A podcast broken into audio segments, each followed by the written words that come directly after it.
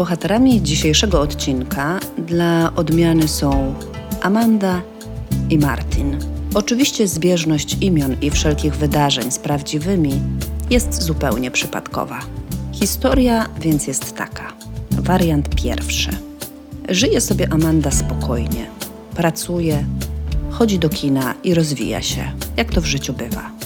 Gdzieś tam głęboko czuje, że czegoś, a nawet raczej bardziej kogoś jej w życiu brakuje. Chodzi tu o tak zwaną miłość życia. Szuka więc tu i tam, bo byłoby miło się przytulić do kogoś i z kimś śniadanie zjeść. Podzielić się światem wewnętrznym też, a owszem, by się przydało. W wariancie drugim Amanda ma partnera życiowego, ale jakby czegoś brak. Ani śniadania zjeść się nie da, ani podzielić się jakoś nie idzie.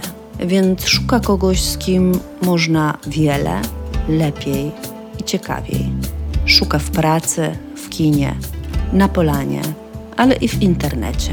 A jak ktoś szuka, to może tak się zdarzyć, że znajdzie. I znajduje w końcu Martina. Jest, jak to mówią, z jej bajki. Zakliknęło od pierwszego wpisu na Messengerze czy innym fantastycznym komunikatorze. Więc piszą do siebie o pracy, o życiu, o energii, o różnych przestrzeniach.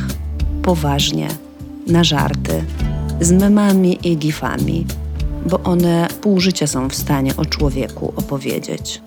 Z miesiąca na miesiąc historia się rozwija i już nawet dwa razy się spotkali, a potem dalej pisali.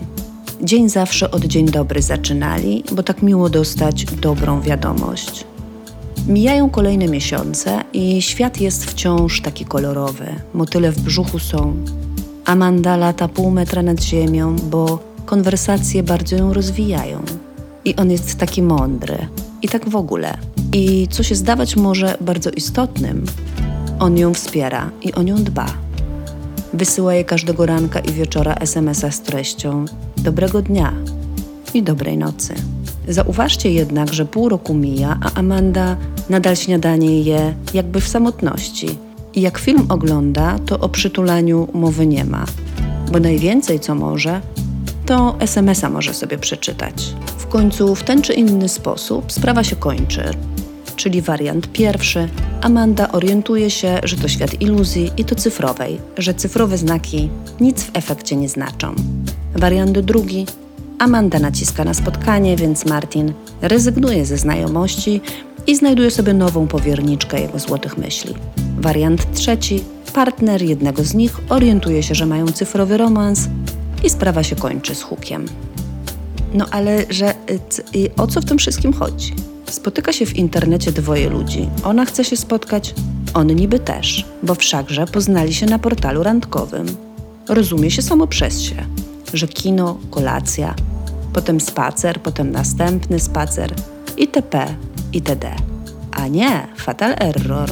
W tych cyfrowych, często bardzo namiętnych związkach dość łatwo się zaplątać niby się rozumiemy, wszystko o sobie wiemy, wspieramy się i jakby ten człowiek jest kompletnie z naszej bajki, ale, ale łatwo jest przejść z zapoznawczego pisania do życia w literaturze. Powstaje już nawet kolejne nad Niemnem.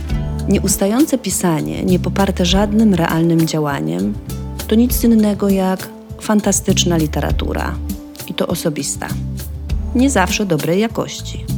Jest wiele przyczyn tego, że ci ludzie, zarówno rodzaju żeńskiego, jak i męskiego, nie wychodzą poza relacje w świecie cyfrowym.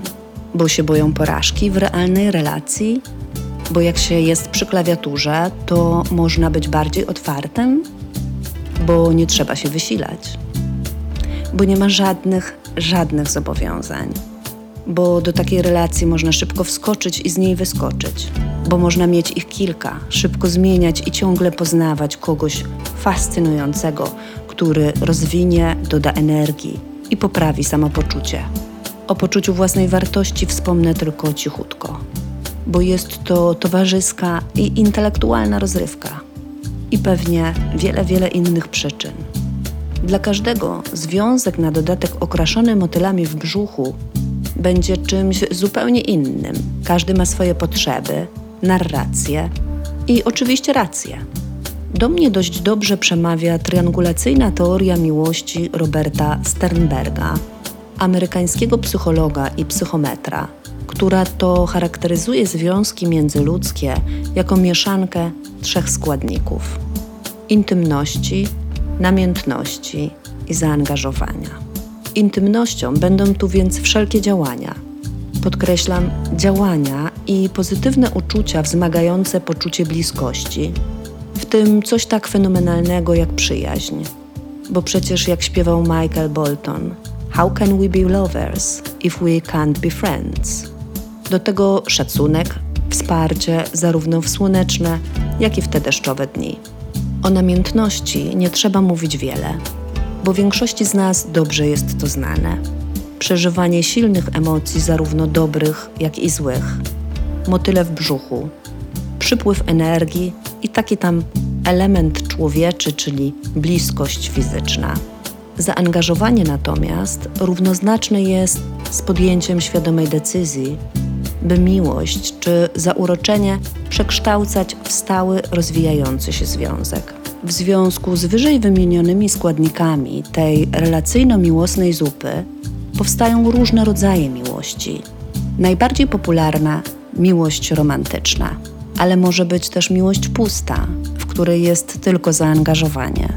Miłość przyjacielska, gdzie jest zaangażowanie i intymność, ale namiętności za diabła się tam nie znajdzie. Jest też miłość kompletna, gdzie wszystkie składniki są mniej więcej w takich samych proporcjach. Nikt nie ma prawa mówić nam, jaka to zupa jest dla nas najlepsza i jakiej w tej chwili potrzebujemy. Jednak, by wiedzieć, czy zupa nam smakuje, trzeba popatrzeć tej drugiej osobie w oczy, poczuć jej zapach i energię, a do tego potrzebne jest gotowanie zupy razem, bo tworzenie literatury w sieci może spowodować, że padniemy z głodu. Ciałko.